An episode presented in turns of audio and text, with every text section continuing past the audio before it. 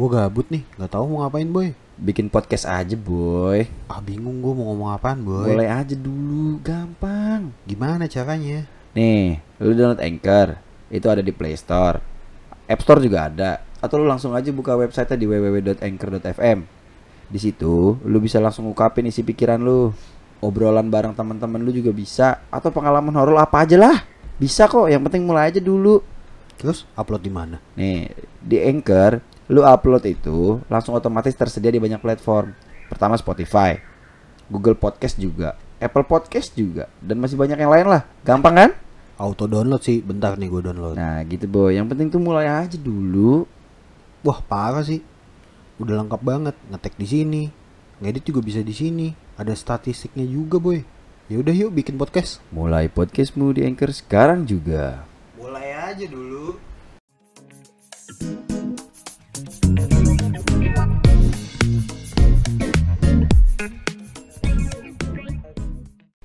Opinion Podcast. Tapi gue nggak mau ulu-ulu. Lo gitu deh, nggak sama sama gue. Ya kan bukan ulu-ulu Oh, bukan iya. bagian gue. Masih sama gue buluk. Sama gue Anca. Kebalik ya, kebalik. Kayak lawakan apa ya itu yang Iya. dibalik-balik itu. Aduh. Kayak Andre Sule gak sih? Aduh Sule. Gue Andre-nya boleh gak sih? Enggak, gue gak mau pesek boy Gue gak mau pesek boy Tapi Sule jenius banget tuh orangnya. Parah, dia cerdas ya emang Cerdas banget kalau ngelawak, gokil sih. Balik lagi di Opinion Podcast ya Yoi. Masih sama gue Buluk Gue Anca. eh Episode kedua season 2 Ya nanti juga lupa episode berapa season kedua Iya. Yang jelas nih episode kedua nih, season kedua nih Mau bahas apa kita boy? Sorry, sorry Ini masih awal, tahun, nih. ya. Masih hangat banget boy Baru Masih berapa minggu sih? Baru berapa minggu lah Eh, pertama kita harus ini sih ngungkapin bilang bela Bela sungkawa sungkawa, kita ya. nih buat jatuhnya pesawat, Ini pesawat pertama gempa bumi. Gempa bumi ada Di banjir juga gempa bumi itu di mana ya Sulawesi ya? Gue lupa lah Iya, tempatnya. Pokoknya ada gempa bumi, Ada banjir longsor. bandang. Ada longsor di Jawa Barat Iya, terus merapi yang udah mau meletus. Iya. Angin puting beliung yang tadi ada di Wonogiri. Oh angin puting beliung juga iya, tahu nih. ada ada banyak banget lah. Pray for Indonesia lah ya. Iya, Semoga, semoga membaik. semuanya baik-baik aja. Ya.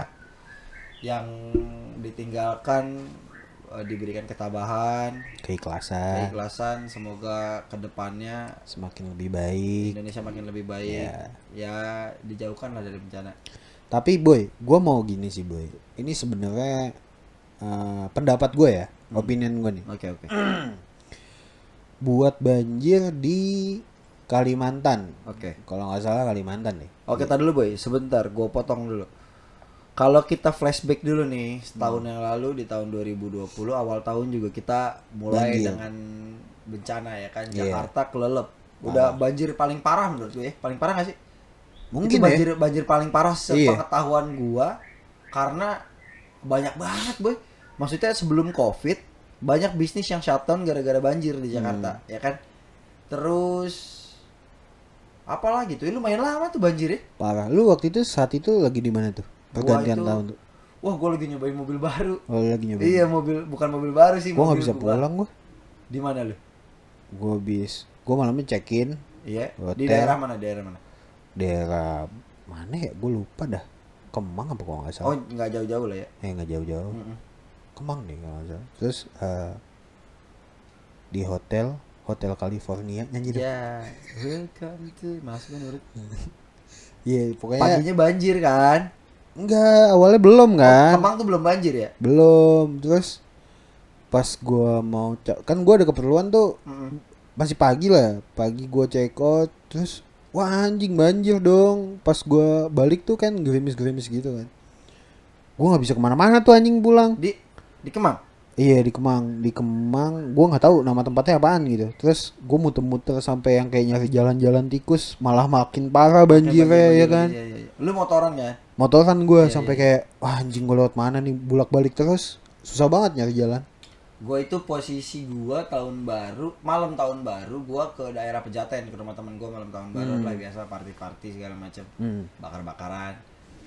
Ya kan dari malam tahun baru udah guyur hujan kan. Iya, iya. Udah sepanjang malam tuh hujan gak ada petasan kan. Iya nggak? Gak ada petasan sama sekali Ah. kayaknya ada tapi maksain lah karena hujan mungkin dia udah beli gitu kan. Hmm. Tapi yang jelas nggak ada kembang api malam tahun baru hujan deres posisi gue sih emang nggak mau nginep karena tujuannya satu mau ngetes mobil itu hari pertama hari itu gue ngambil mobil tuh Lagi excited excited, Excited ya, ya. kan bahagia bahagia mau nyobain mobil terus ya udah gue balik itu hujan gue balik pu- jam 2 pulang ternyata besoknya banjir besoknya bener itu langsung itu banjir parah sih. parah Parah. dari banyak loh nggak cuma Jakarta juga hampir Bekasi banjir Jabodetabek lah ya. Jabodetabek ya kan sampai Iya. Bogor-Bogor kayak banjir kok Eh Bogor Iya, padahal Walau- dataran tinggi ya. iya kan yang Bogor. biasanya nggak pernah banjir Jakarta banjir dia banjir Iya, parah sih. parah parah parah itu tahun-tahun kemarin udah dimulai dengan banjir tahun ini juga dimulai banjir lagi tapi untungnya nggak di Jakarta bukan untungnya ya Iya. maksudnya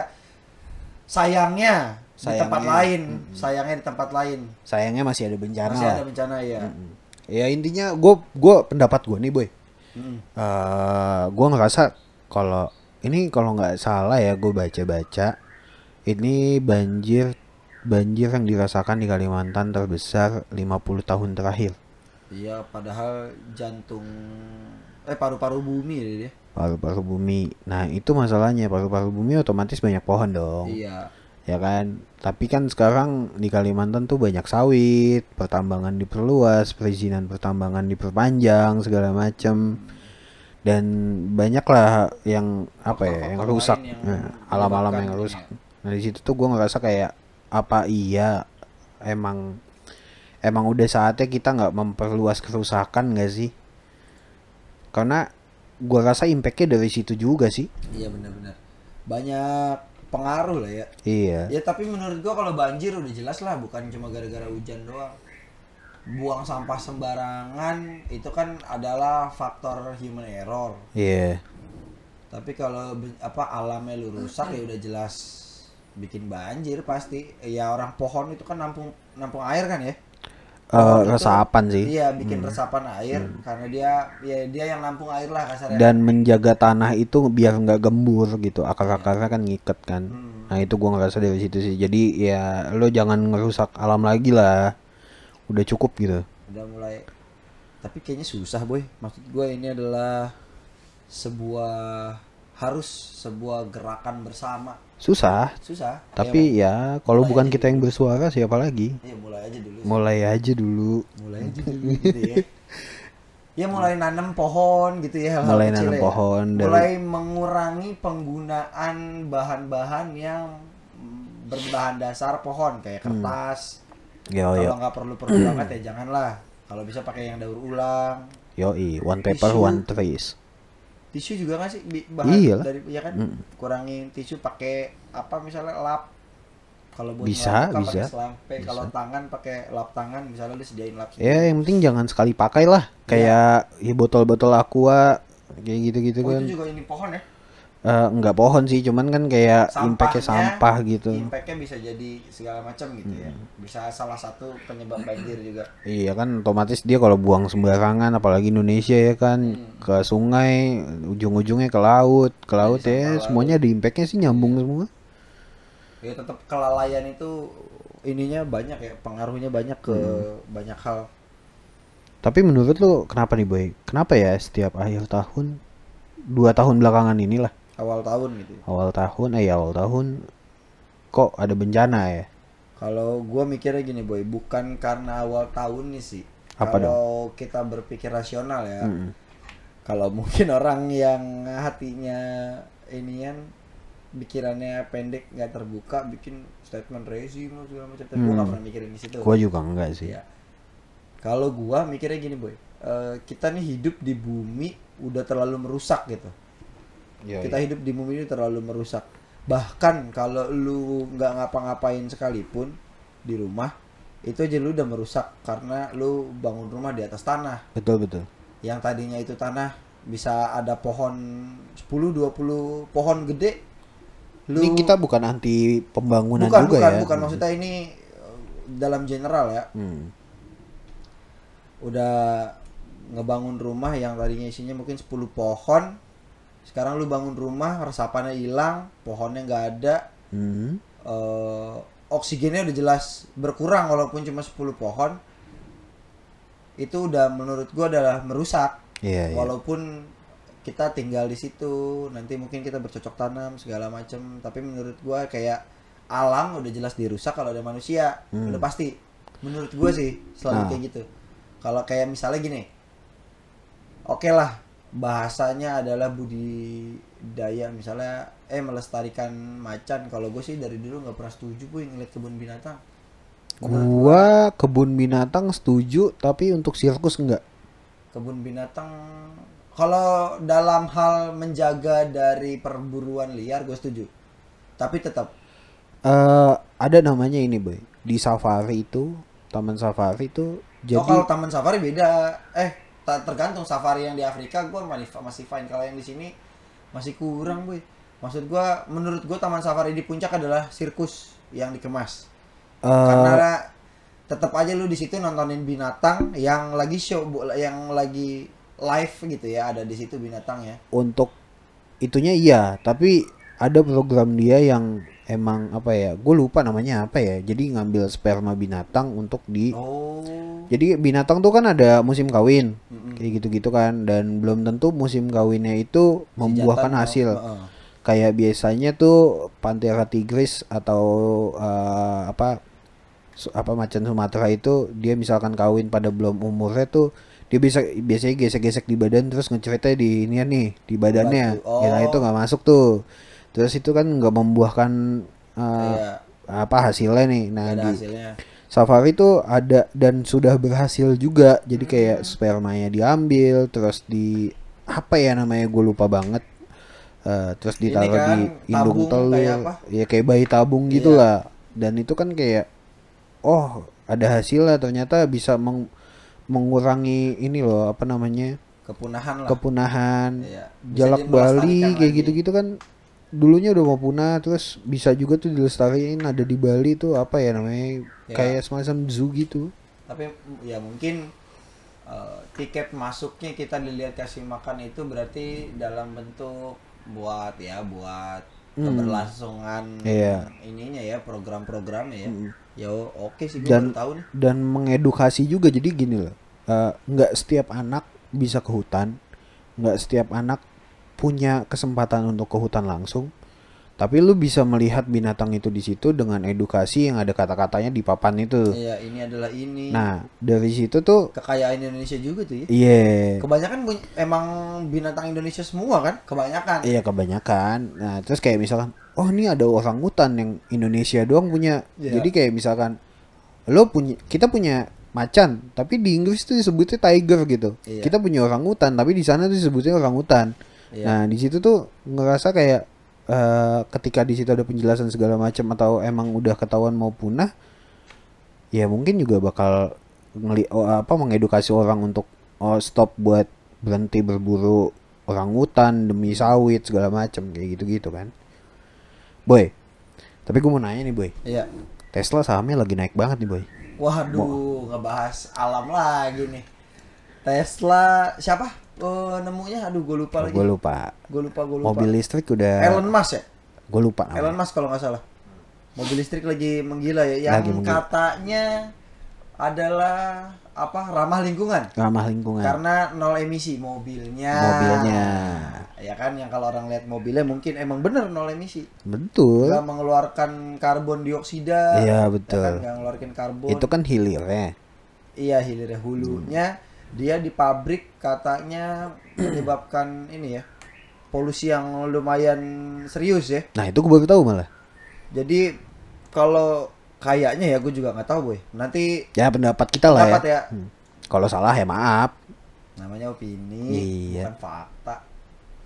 Kalau kayaknya sih boy menurut gua kalau bikin baterai ada ininya boy.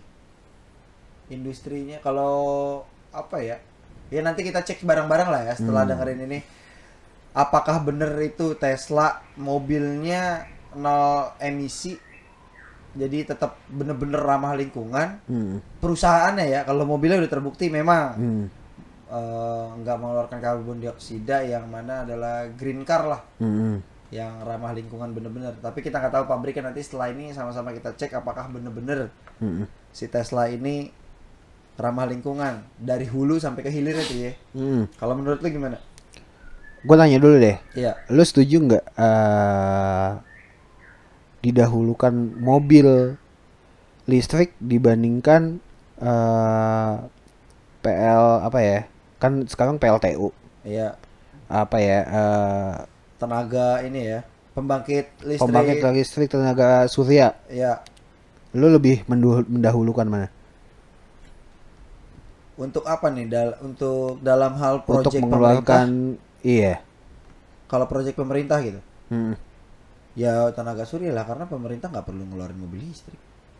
gue juga ngerasanya gitu tapi eh, pendapat gue kayak lo kan pakai mobil listrik lo charge dong pakai listrik Oh iya ya. ya kan Listriknya. semakin banyak eh, pemakaian listrik semakin banyak batu bara yang dibakar dong Iya.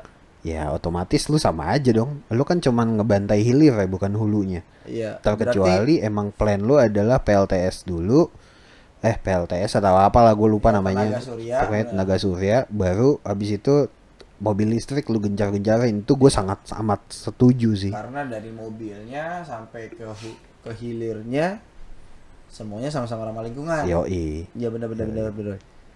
Kalau misalnya si pemilik mobil udah punya pembangkit listrik tenaga surya, fine dong. fine bagus kan lah Setahu gua udah banyak operator eh bukan operator apa ya?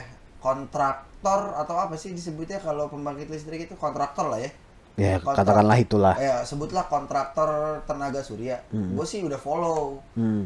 Gue udah sempat baca-baca, udah sempat mantau-mantau lah. Hmm. gue lupa nama instagramnya apa nanti kalau gua sempet kalau gue inget gua tag lah di story Hmm. opinion podcast dia itu eh, pribadi Hmm. bukan BUMN bukan BUMD intinya nggak ada sangkut paut pemerintah Ah. yang sayangnya gue lihat ini adalah ini adalah bisnis potensial yang ma- yang Indonesia harus punya sebenarnya Hmm. kayak PLN itu harus punya harus harus harus, Harus. di bawah PLN dia ini perusahaan listrik negara coy Hmm. masa bisnis bisnis mungkin PLN punya kali produk tenaga surya tapi gua nggak tahu lah. Punya punya tapi mungkin belum sebesar PLTU sih. PLTU yang se- se- yang gede aja sekarang ada di Batang sebesar Asia Tenggara masih belum punya PLN masih punya pribadi. Mungkin karena masih pembangunan gitu. Ah. tapi maksud gua gini eh tenaga solar ini udah ada bukan awam. Hmm. maksud gua bukan mustahil ada di Indonesia karena udah ada udah banyak kok rumah-rumah udah udah udah banyak.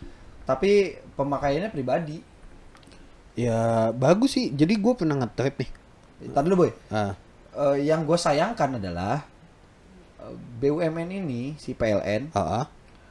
dikasih beban mungkin ya dikasih target oleh Kementerian BUMN untuk mencapai revenue Hmm. jadi mungkin si engineer-engineer PLN ini kepikiran oh kita lebih hemat apa lebih ramah lingkungan kalau pakai solar. Eh kalau pakai surya sorry. Kalau pakai surya. Tapi tapi karena dia ditarget revenue dia harus tetap jualan.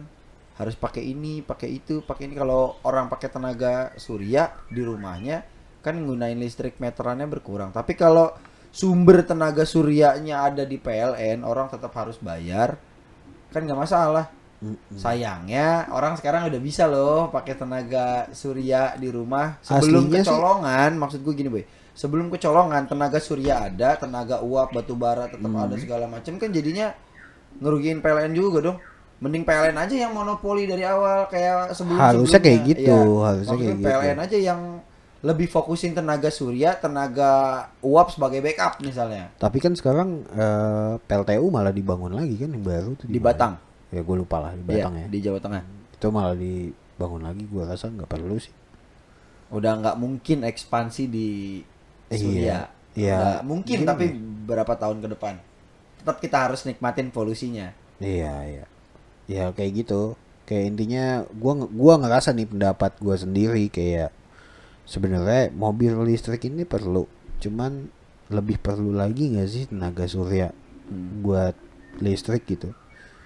Bisa kok waktu itu gue datang ke pulau gue ngetrip. Terus pulau itu tuh eh, emang pakai tenaga surya. Gitu. Full ya karena emang nggak ada akses iya listrik pulau di situ ya? iya Pulau berapa kecil ya? jiwa doang lah dua ratusan paling. Tapi lumayan besar kan di situ Ya 200 berarti anggaplah satu keluarga empat orang ada 50 keluarga. Hmm. Satu rumah mungkin butuh tenaga berapa kilowatt, berapa kilo apa Eh, iya. macam gua nggak nggak paham lah satuannya listrik itu apa. Terus dia cuma pakai tenaga surya. Kasarnya kayak satu RW nggak sih? Bisa bisa Ya jadi. se RW lah ya. Hmm. Se RW pure nggak terlibat sama PLN. Ya, keren Bisa ya. hidup, ya kan? Bisa hidup. Tapi mungkin juga karena emang apa ya mungkin duitnya minjem atau gimana nggak tahu ada kan. investasi Iya. apa apa emang ada orang apa segala macam ya cukup mungkin mahal. ya mungkin harus dilunasi dulu baru bisa menikmati tenaga surya nih boy. Iya bener bener bener bener, bener. kayak gitu. Tapi tetap dukung ya. Tetap dukung gua dukung. Tetap dukung tetap dukung. Karena bukan buat kita. Hmm. kalau menurut gua kayak gitu-gitu tuh bukan buat kita tapi buat anak cucu kita nanti. Kalau bukan kita yang mulai siapa lagi? Mulai aja dulu. Mulai aja dulu. Gila, spontan banget gitu. Keren ya? Uhuy. Telat dong anjing. Kita kan tetap uhuy. Oh, iya, bener. ya apa sih lupa lupa dikit untung bukan lupa lupa inget ya. Eh, terus soal bencana lagi nih. Iya. Soal pesawat. Kita bahas ya. Tadi Ah. udah banjir, ah eh, impact eh penyebabnya, akibatnya apa segala macam udah kita bahas. Hmm. Terus kalau longsor sama gara-gara pohon juga kurang lebih sama lah ya penyebabnya. hmm. Terus ada apa lagi sih tadi yang disebut gunung Banjir berapi udah jelas bandang, alam, iya. udah nggak bisa, udah bukan campur tangan manusia iya banjir bandang sa udah terus yang pesawat nih boy iya kita bahas. Itu pesawat Lion Air. Eh Sriwijaya. sorry sorry sorry sorry sorry. Sriwijaya. Hmm. penerbangan Jakarta. Pontianak. Jakarta Pontianak. Terbang pas pada saat critical eleven. Apaan tuh? Lu nggak tahu istilah critical eleven ya? Jadi kalau oh, gua kan kemarin eh kerjaan gua lumayan sering mobility pakai pesawat lah ya. Seminggu kurang lebih bisa sampai tiga kali gue bolak balik keluar kota naik pesawat hmm. jadi critical eleven itu adalah istilah dalam penerbangan pesawat Hmm. critical eleven itu adalah 11 menit kritis di dalam pesawat ah kalau nggak salah 7 menit pada saat take off dan 4 menit pada saat landing atau 8 menit pada saat take off 3 menit pada saat landing kurang lebih gitulah Hmm. intinya gitu intinya tujuh uh, beberapa menit lebih banyak di take off itu kritis banget hmm. Asalnya itu pesawat baru terbang, baru nukik take off ke atas. Terus masih nyari titik stabil, masih nyari momentum karena pesawat gini, boy. Kalau lu pernah nonton film Flight yang main tuh Denzel Washington, Hmm. belum kalau lu pernah nonton film Flight, pesawat itu kalau mesinnya mati, tapi kayak dia udah terbang, ketika dia udah terbang, mesinnya mati sekalipun dia tetap melayang. Walaupun lama-lama nukik ke bawah. ah Maksudnya intinya adalah kalau dia udah dapat momentumnya, dia tetap bisa melayang. hmm. Nah, 8 menit pertama ini adalah momen kritis sebelum pesawat bisa melayang. ah Jadi kalau udah melayang tuh autopilot kadang cuma butuh tenaga-tenaga buat stabil-stabil doang lah dikit Oke. dikit dikit bukan bener-bener full ya launching gitu lah. Nah, tiga menit terakhirnya adalah pada saat landing. Karena resikonya pas landing gitulah banyak faktornya segala macam gua secara teknis nggak bisa ngebahas. Gua nggak ngerti soalnya. Hmm. Gua nggak mau so tahu. Nah, 8 menit ini adalah mungkin yang dialami sama Sriwijaya ini. hmm. Jadi itu pilotnya berpengalaman, pilotnya Sangat. sangat, berpengalaman. Pilotnya jam terbangnya tinggi, co-pilotnya pun tinggi, pesawatnya dikatakan sehat karena udah pasti udah melalui inspeksi si pilot, udah melalui inspeksi banyak pihak. Hmm. Ya bencana ya kan kita nggak ada yang tahu ternyata pada saat terbang cuacanya buruk nggak dapat momentum segala macam baru terbang sedikit soalnya boy Iya, bener. baru terbang Dikit sebentar banget. kan masih di Pulau Seribu pun jatuhnya Hmm. kita doain aja semoga Husnul semua korban khotimah. korban jiwanya ketemu lah ya intinya Udah selesai kan pencarian. oh udah selesai ya Udah. gua nggak update beritanya lagi soalnya udah selesai pencariannya ya Udah, udah. ya semoga yang ditinggalkan diikhlaskan lah Mm-mm. ditempatkan di sisi yang terbaik Tapi boy, gue mau nanya deh. Menurut lo, kapal yang udah lama itu layak pakai atau enggak? jadi eh itu menurut gue sih umurnya masih oke lah 20 tahun itu masih oke Ya, kita nggak ngebahas kapal itu deh, eh pesawat itu ya. Oke. Eh, pesawat yang apa pun itu. Jadi kalau- gini.